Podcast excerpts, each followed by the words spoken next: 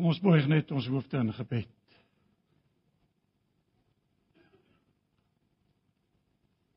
Here baie dankie vir hierdie wonderlike liedere wat ons kon sing. Ons kom in nederigheid en in swakheid vanmôre vir u sê dat dit nie lippetaal is nie, maar uit ons harte kom. Om u te kan aanbid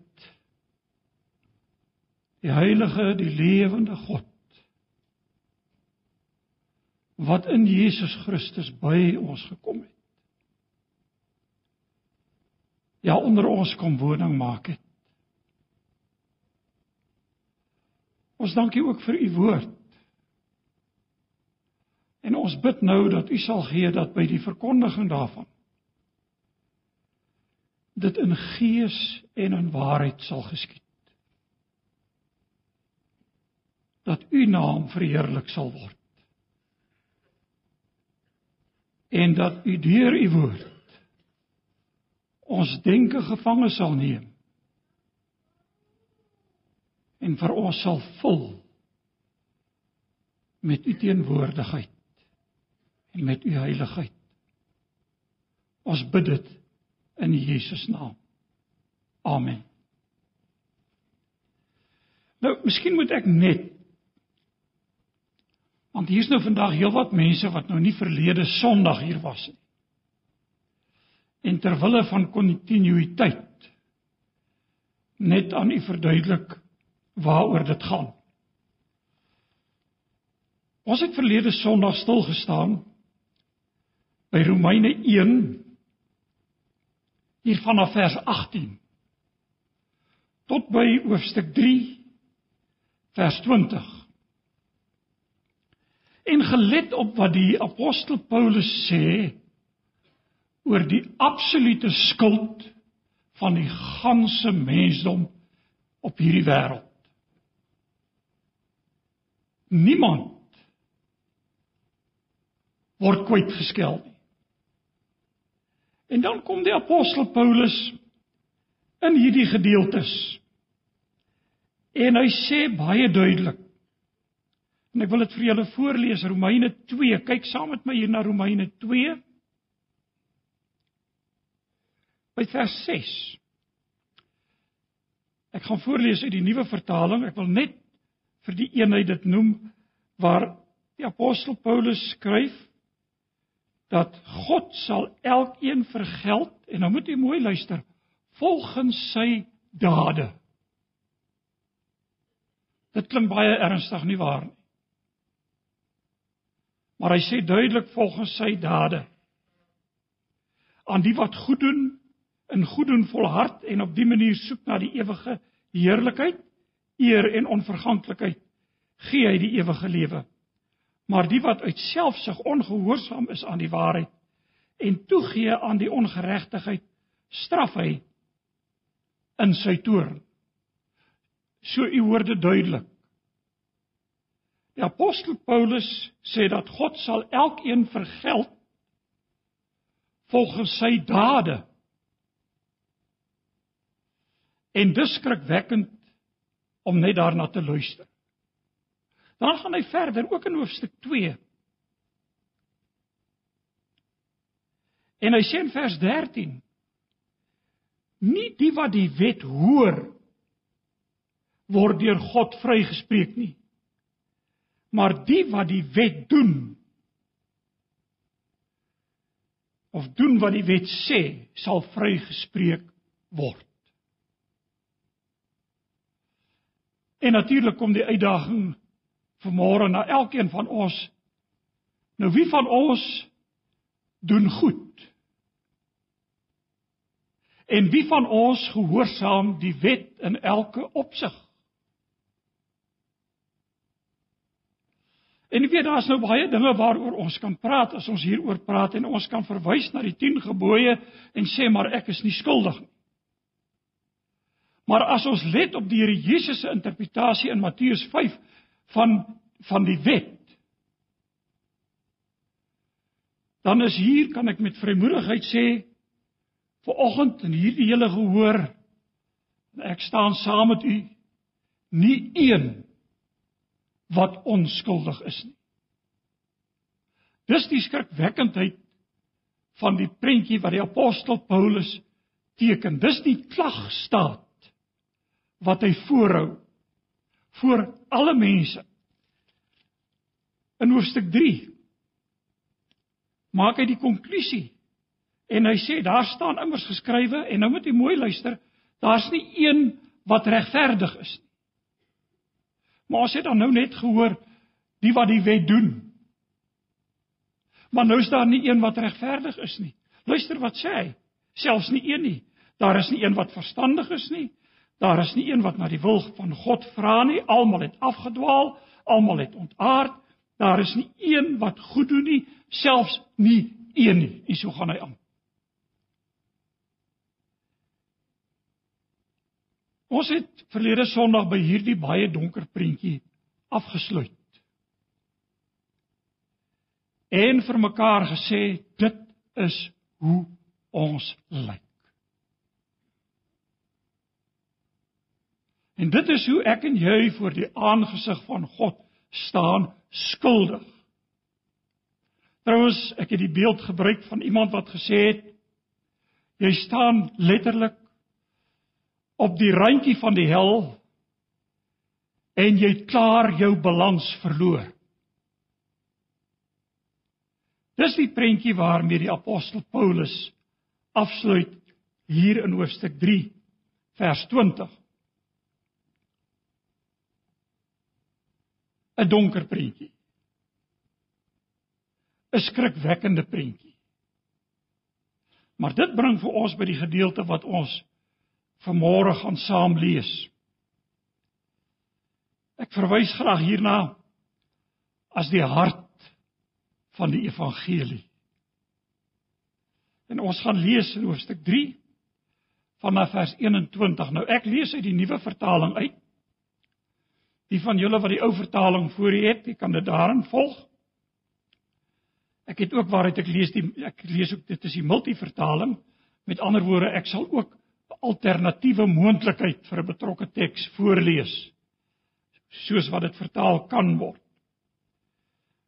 Na hierdie donker prentjie, na hierdie skrikwekkende prentjie, na die skuld uitgewys is van alle mense, Paulus laat die klem val op Jood en nie Jood. Met ander woorde, die ganse mensdom. Selfs die Jood wat die wet het, is skuldig. En die wat nie die wet is nie, is ewe skuldig. Jy kan die vorige gedeeltes gaan lees.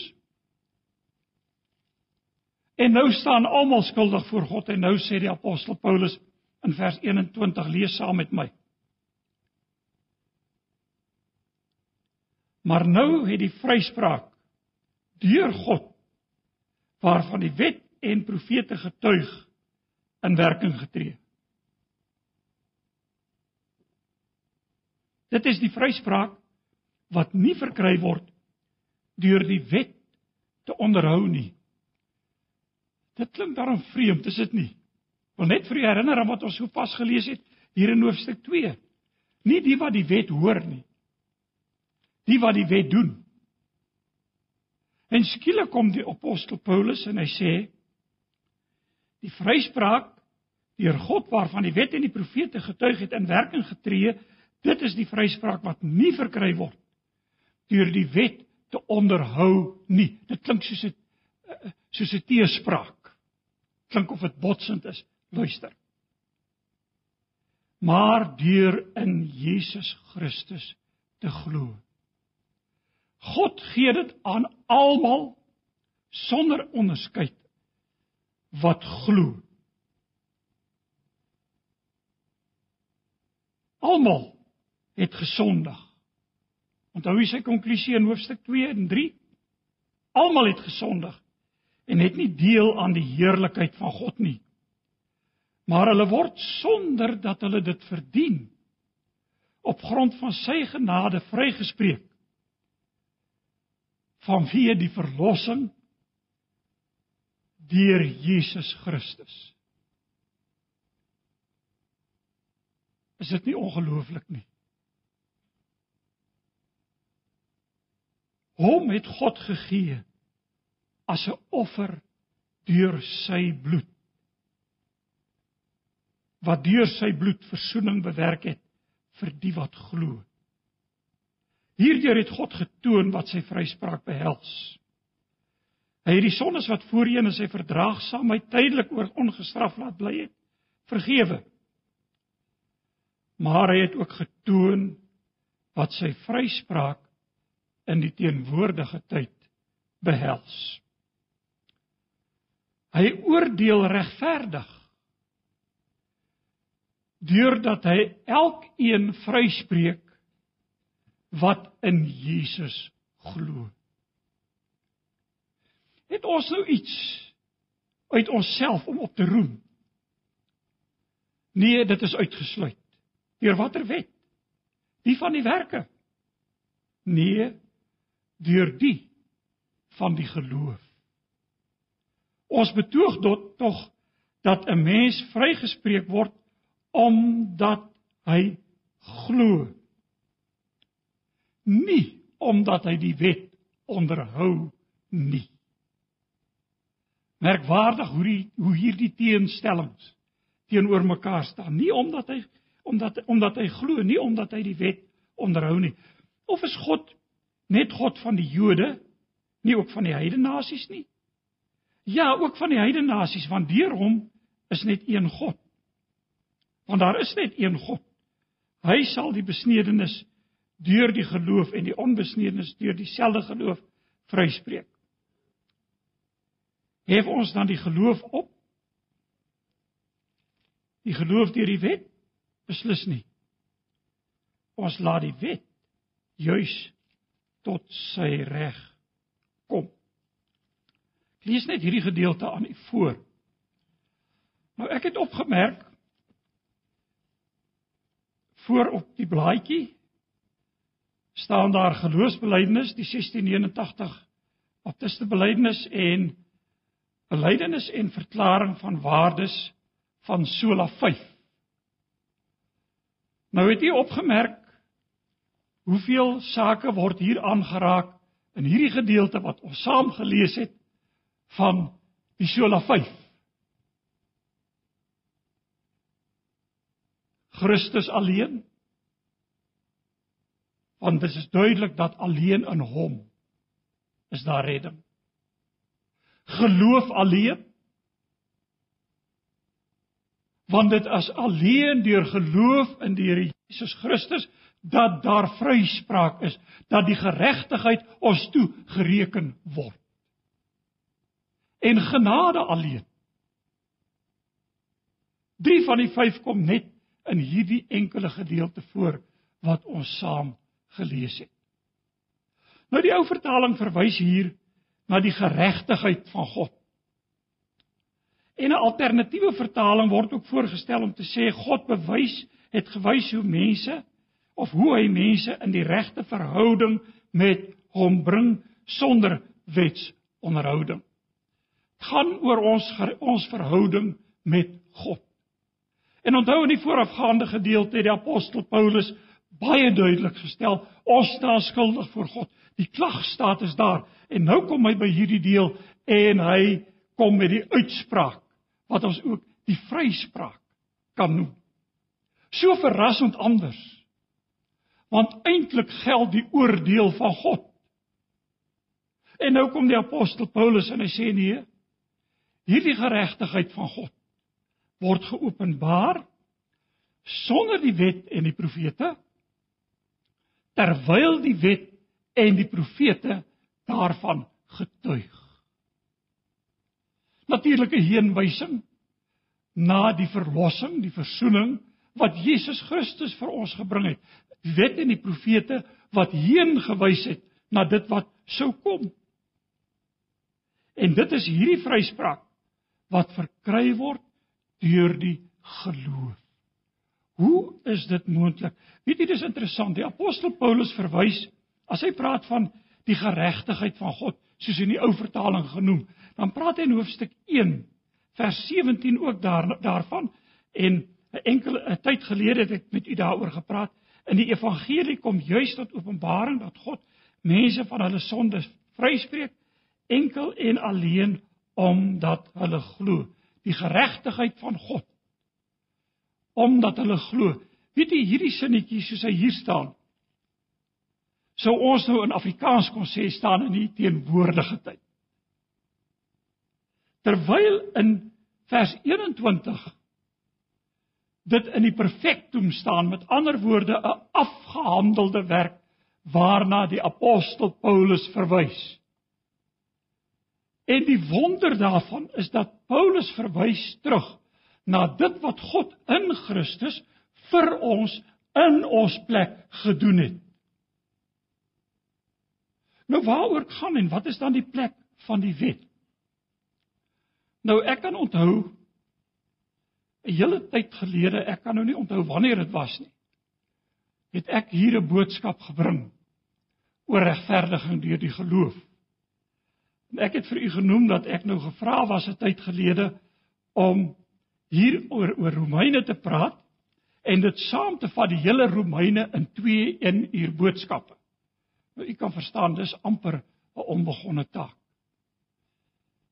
Maar dit het my so aangegryp, weet u dat as ek telke male voor die wonder van hierdie evangelie te staan kom, dat ek nie anders kan as om in dankbaarheid uit te roep. Dankie God. Ek dank U. So groot is hierdie verlossing want wat is die plek van die wet? U sien ons staan almal skuldig voor die wet. En van die begin van die skepping af en ek verwys na die sondeval tot hede vandag was daar nog nooit 'n mens wat aan die eise van die wet voldoen het nie. Nog nooit. Behalwe die mens. Jesus Christus, die seun van die lewende God. Slegs in sy tyd op aarde as mens het hy die wet van God volvoer in elke opsig wat ek en jy nie kon doen nie. So aan God se reg is voldoen. Want u sien die feit dat die mensdom skuldig is beteken die mens soos gesê staan op die randjie van die hel, hy het sy balans verloor, die straf van God is 'n voldonge feit. Want God is heilig. Hy duld nie sonde nie. En die ganse mensdom staan skuldig voor God. Dit sluit ons vanmôre hier in. En nou kom Jesus Christus wat na homself verwys as die seun van die mens. En hy vervul die ganse mens. Wat beteken dit? Dat hy in elke opsig, ons kan sê elke jota en titel het hy die wet van God vervul. En weet jy wat? Hy dit vervul en in jou en in my plek. Want luister wat sê hierdie skrifgedeelte. Hierdie geregtigheid, hierdie vryspraak word nie verkry deur die wette onderhou nie, maar deur in Jesus te glo. Daar kom die uitdaging. Hy vra geloof. Almal het gesondig, so almal het hierdie redding nodig. En nou word hulle sonder dat hulle dit verdien. En luister nou na hierdie woorde. Op grond van sy genade vrygespreek. Nou ek wil graag net iets sê oor genade. Jy weet, uh, as 'n mens na die teologie geskiedenis gaan kyk, het die term genade maar 'n lang kan ons amper sê lydingsgeskiedenis ondergaan. Want baie gebruik die term heel verskillend. Waaroor gaan genade? Jy sien ons vra partykeer en ons bid ag Here En ek seker ons doen dit almal. Gee my genade asseblief. as ons nou in 'n sekere moeilike situasie ons bevind. So amper asof genade iets is. Maar genade is nie iets wat u en ek kan gebruik nie. Genade in hierdie konteks is onverdiende guns. Met ander woorde, dit gaan hier oor 'n gesindheid. Dit gaan na die manier waarop God na u en na my kyk. En daar was 'n eislike verskil in die reformatie tussen die rooms-katolieke en die protestante oor hierdie woordjie genade. Natuurlik het die rooms-katolieke ook gesê ons leef van genade. Maar hulle het dit heel anders geïnterpreteer en gereken dat genade is iets wat in ons ingestort word sodat ons so kan lewe en soveel beter kan lewe sodat God wanneer hy na ons kyk ons regverdig kan verklaar.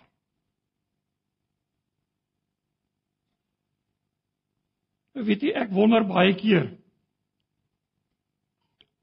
of ons in ons evangeliese tradisie nog al nog nog werklik die begrip van genade oorgehou het. Want jy sien teenoor hierdie standpunt van genade het die reformatore gekom en gesê nee. Genade is 'n gesindheid. Dis God wat in Christus ons aansien in sy liefde en in sy ontferming en in sy genade. 'n Gratis geskenk en nou sê die Bybel vir ons hier sonder dat hulle dit verdien op grond van sy genade word hulle vry gespreek. Nou miskien moet ek net dit vir u sê hierdie regverdiging waaroor ons nou praat, hierdie vryspraak, hierdie in die regte verhouding bring. Want dis verskillende maniere om die saak te beskryf. Het ook twee kante van die saak gehad. En ook 'n verskil tussen die Rooms-Katolieke en die Reformatore in die vroeë eeue. Die Rooms-Katolieke het gepraat van 'n analitiese regverdigingsleer. Nou wat beteken dit? 'n Analitiese regverdigingsleer het beteken dat God in sy genade vir jou en my in staat stel om so te leef en om soveel goeie dade te doen en soveel beter te leef sodat wanneer God na ons kyk, hy ons in sy genade kan aansien. Met ander woorde, ons kwalifiseer dus op 'n in 'n sekere sin vir genade. Daarteenoor het die reformatore gekom en gesê nee. En hulle het gepraat van 'n sintetiese regverdigingsleer, 'n regverdiging wat van buite af aan ons toegesê word, iets wat nie ons in is nie. Broer en suster, kom ons dink mooi oor onsself vanoggend. Ons ken onsself. Daar's niks verborge in ons eie gedagtes vir onsself nie. Ons weet wie ons is. Ons weet wat ons is. En u weet en ek weet hoe skuldig ek in werklikheid voor God staan. En u weet en ek weet dat ons beste werke is eintlik vir hom maar soos 'n wegwerplike kleed. Is dit nie waar nie?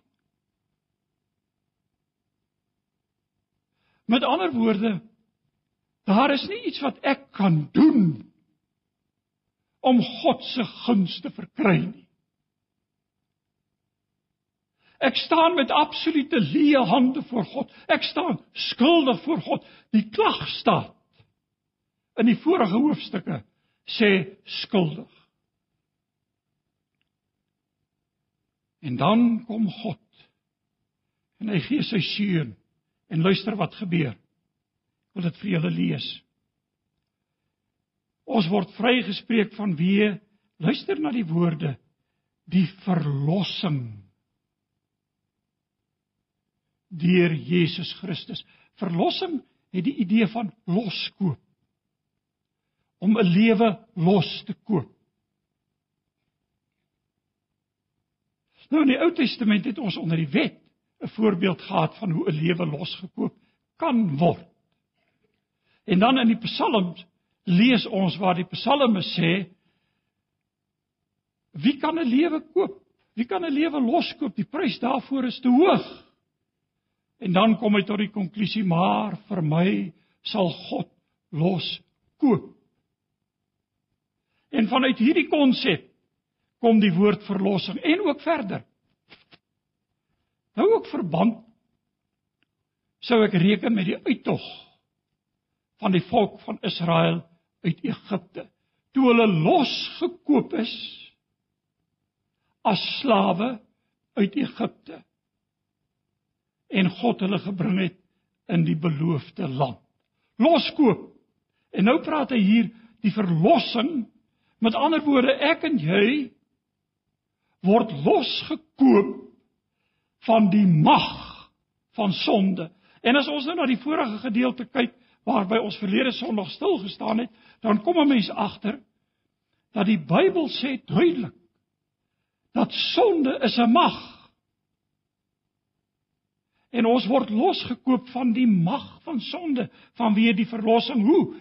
Deur Jesus Christus. Christus alleen. Christus alleen. En luister wat sê hy verder en is so treffend. Vers 25 en 26. Hom het God gegee as offer Ek hou van die nuwe vertaling hier wat deur sy bloed verzoening bewerk het vir die wat glo. Wat gebeur hier? U sien hier is die vlekkelose lam van God, die seun van God. Wat na hierdie wêreld kom om die ganse wet te vervul in jou en in my plek. Iets wat ons nie kon doen nie. Iets waarvoor ons absoluut skuldig staan. Hier kom die seun van God. Hy vervul die wet. Hy doen dit in elkeen se plek. En wat gebeur? Die oordeel die straf van God kom op die onskuldige lam van God. Hy kom en dis wat die teks sê, hy kom en dra ons sondes. Wat deur sy bloed met ander woorde daardie term deur sy bloed verwys na sy lewe wat hy gee. Hy het sy bloed gestort hy het sy lewe gegee. Wat deur sy bloed verzoening bewerk het vir die wat glo Broers en susters, is dit nie die mooiste woorde waaraan 'n mens kan dink in die Bybel nie. Want in die lig van van hierdie heerlike evangelie en met die terugkyk na hierdie donkere, duistere toestand waarin ons is as mense en die lig van die evangelie wat op ons skyn deur Jesus Christus wat in ons plek gekom wat in ons plek kom staan het wat die wet vervul het wat ons verlos het wat verzoening bewerkstellig het tussen ons en God. Hierdie lig skyn op ons. Woord verzoening is 'n mooi woord. Die Afrikaans het nie so baie terme soos wat die Engelse taal in hierdie verband het nie, maar ek dink verzoening is 'n mooi woord. Ek het 'n boekhouonderwyser op skool gehad. Nou ja. Uh nou versigtig wees om te sê hoe lank dit terug was, maar dit was nou lank terug. En hierdie onderwyser was 'n uitstekende onderwyser. En hy het nou vir ons geleer oor 'n bankversoeningsstaat. En ek sal dit nooit vergeet nie. Hy sê, "Ooh, dis 'n mooi woord hierdie versoening." Hy sê, "Want wat is nou lekker om versoen te word?" Natuurlik het hy allerlei ander gedagtes daaraan gekoppel en uh, natuurlik gereken as daar nou so 'n bietjie tussen tweedrag is om dan weer te versoen. Hoe wonderlik is die opmaak nie weer. En so het hy die bankversoening staat verduidelik dat ek dit tot hede vandag toe nog onthou. Maar weet jy versoening beteken daar's versoening tussen ons en God.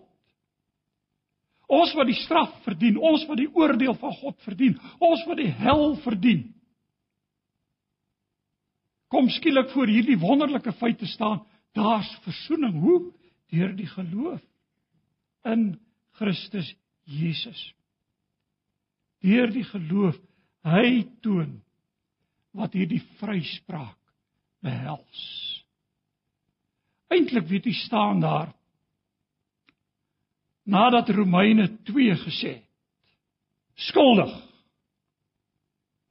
Op jou en op my lê onskuldig. Hoekom? Die seun van God was onskuldig en wanneer God vanmôre na jou en na my kyk dan sien hy sy seun raak in jou en in my plek.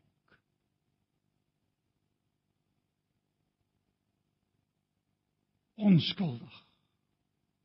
Want hy het ons skuld gedra. Natuurlik moes voldoen word aan die eise van God. Natuurlik moes voldoen word aan die geregtigheid van God. En daarom was dit die pad wat Jesus geloop het. Hy het sy eie seun gegee. En om aan hierdie eise te voldoen, was dit die pad wat hy moes loop. Hoe gebeur dit? Nou kom ons by die kwessie van geloof. Nou geloof is nogal ook een van daardie terme wat 'n mens baie keer nou ek staan altyd in verwondering as ek hoor van wat mense doen en wat mense waag oor hulle groot geloof. En en ek sê dit in alle opregtheid vanmôre as ek dit as ek dit noem. Maar weet jy ek raak benoud en paniekerig as ek soms dink aan my eie wankelende geloof waarin ek dikwels maar soos die vader van daardie man seker seun moet uitroep ek glo Here kom my ongeloof te help Beleef jy dit nie ook nie? Dis die pad wat ons loop. Maar weet jy die wonder daarvan in Martin Luther het dit so treffend gestel. Of ek dit nou al vir julle gesê het, dit weet ek nie. Maar hy het dit so treffend gestel. Hy het gesê dit gaan nie oor ons geloof nie. Dit gaan oor die voorwerp van ons geloof. Ons geloof is so sterk soos die een in wie ons glo. Dit verander die totale prentjie nie waar nie. Al is ek struikelend en bang op hierdie wêreld. Al is ek baie keer onseker. Gaan dit nie oor my en my groot geloof nie, dit gaan oor hom in wie ek my absolute vertroue plaas in Jesus Christus. Hy het dit geïllustreer aan die hand van uh goue muntstukke. Hy het gesê as twee mense elkeen 100 goue muntstukke het. En die een maak 'n mooi kassie met hout en metaal beslaan en alles. En hy bære nou daardie pragtige muntstukke binne in daardie kassie. En die arm ander die arme ander ou kom en hy het 'n verslete ou sakkie maar hy bære die muntstukke in die ou sakkie. Is hulle ewe ryk, nie waar nie? Want dit gaan oor die muntstukke. Dit gaan oor die voorwerp van ons geloof. Daarom het die reformatore baie interessant gepraat van die leegheid van geloof en die gerigtheid van geloof. Leegheid van geloof beteken dat dat geloof is nie 'n werk nie. En ek hoef nie voor God te staan en te sê Here, maar my geloof was so of so of so nie. My geloof gaan oor die vertroue in Jesus wat in my plek staan. Dis waaroor dit gaan. Ek sal graag nog as die Here wil en daar so geleentheid kom, ook met u oor weergeboorte wil praat. En weet u Johannes hoofstuk 3 wat ons nou maar as die sleutelgedeelte beskou wat daaroor handel. Het jy al mooi gele gelees hoe volg dit op as Jesus vir Nikodemus sê ek sê vir jou jy moet weergebore word. As iemand nie weergebore word nie sal hy die koninkryk van God nie sien nie. En dan volg hy op. En hy noem hy moet uit water en gees gebore word. En 'n klomp dinge en dan kom hy uiteindelik want so lief het God die wêreld gehad sodat elkeen wat in hom glo hier kom weer die term glo na vore dit gaan oor die gerigtheid van ons geloof ons geloof as sodanig is leeg maar ons geloof in Jesus Christus gaan om hom en om hom alleen. Ek word nie op grond nou moet jy mooi luister na die woordspeling ek word nie op grond van my geloof geregverdig nie. Ek weet nie of ek vir u gesê het by geleentheid en ek dink ek het dalk hoe dat ek 'n artikel gelees het baie baie jare terug dit was in my laat studente dae uit 'n uit 'n tydskrif genoem Verdict waar die vraag gevra word Hoe word ons geregverdig voor God? Deur die wet of deur die geloof? En natuurlik is 'n ou se eerste reaksie natuurlik deur die geloof, wat anders? En toe antwoord hy nee deur die wet. En jy weet onmiddellik sien ek rooi ligte flits. Hier's nou 'n ou wil hê ek moet deur die wet geregverdig word. Tot ek die artikel gelees het en ontdek het ja, God het sy standaard nooit verander nie. Dis mos wat die teks vir ons sê hier. Want wat sê Romeine 2? Hy sê nie die wat die wet hoor word deur God vrygespreek nie, maar die wat die wet doen. En Jesus het die wet gedoen. Hy het die wet in my plek gedoen. En dit is waaroor dit gaan en ons geloof is dus nie die middel tot regverdiging nie. Dis alleen die instrument. Wat beteken dit? as geloof die middel tot regverdiging was, dan u en ek iets gehad om op te roem nie waar nie. Dan kon ons voor God gaan staan en my geloof sien my geloof, so ek wil nog altyd iets doen, aanbied. Maar ek kan dit nie doen nie. My geloof is om met my swak hande Christus te ontvang. Met uitgestrekte hande, met leë hande. Daar's niks. Ek onthou ons het vroeër jare baie keer haleluja lied gesing. Ek ken hom dalk ook. Moet ek gaan met leë hande? Moet ek so my Heer ontmoet? Nou ek weet die konteks van die lied is iets heeltemal anders, maar ek het op 'n plek gekom waar ek gesê het, ek kan nie anders nie, ek moet gaan met leë hande. Ek het niks. Ek het niks wat ek vir God kan aanbied nie. Sy seun sy seun in my plek. Dis waaroor dit gaan en daarom sê Paulus as ons nou vrygespreek word deur in Jesus te glo, het ons nou iets uit onsself om op te roem. Vers 27. Nee. Dit is uitgesluit. Deur watter wet? Die van die werke? Nee, deur die van die geloof. Ons betoog tog dat 'n mens vrygespreek word omdat hy glo, nie omdat hy die wet onderhou nie en dan gaan hy na die Jood en die heiden. En weet jy, miskien verstaan u nou hoekom die apostel Paulus hierdie deel afsluit hoofstuk 3 waar hy sê, "Hef ons dan nou die wet deur die geloof op. Maak ons dan nou die wet tot nul." Nee, sê, stellig nie. Inteendeel. Ons bevestig die wet. En skielik verstaan 'n mens dit in 'n ander lig. Skielik verstaan 'n mens dat hierdie hierdie wet is vervul deur Jesus. Ek het al weet jy ek vir studente gesê En en dis 'n verskriklike kras uitdrukking en ek behoort dit seker nie van die kansel af te gebruik nie. Maar ek wil dit tog vir u sê want ek dink dis waar. Weet mos die jong mense praat maklik so. Wat sal sê Ek het nie 'n snowballs hope in hel as dit nie vir Jesus is wat in my plek staan. En weet jy vanoggend is my hoop daarop gefestig as God na my kyk. Asseblief dat hy my nie sal raak sien nie. Maar dat hy sy seun in my plek sal raak sien. Want dis die enigste hoop wat jy en ek op hierdie wêreld kan hê. Daarom is die heil van God alleen.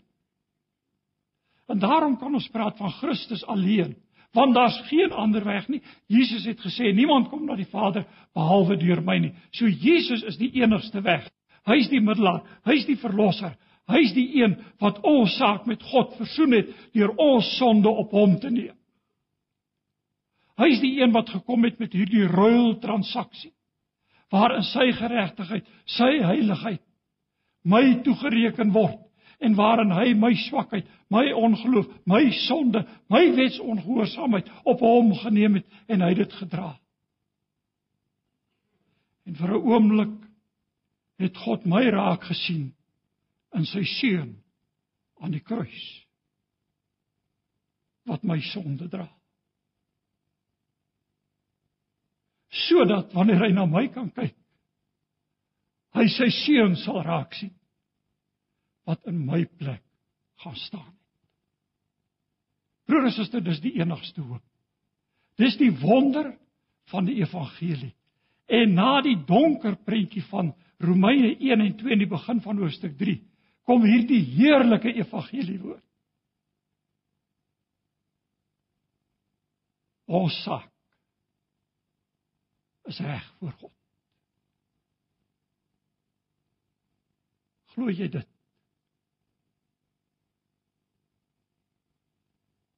Dis die vraag wat jy moet antwoord. Kom ons buig ons hoofde in gebed.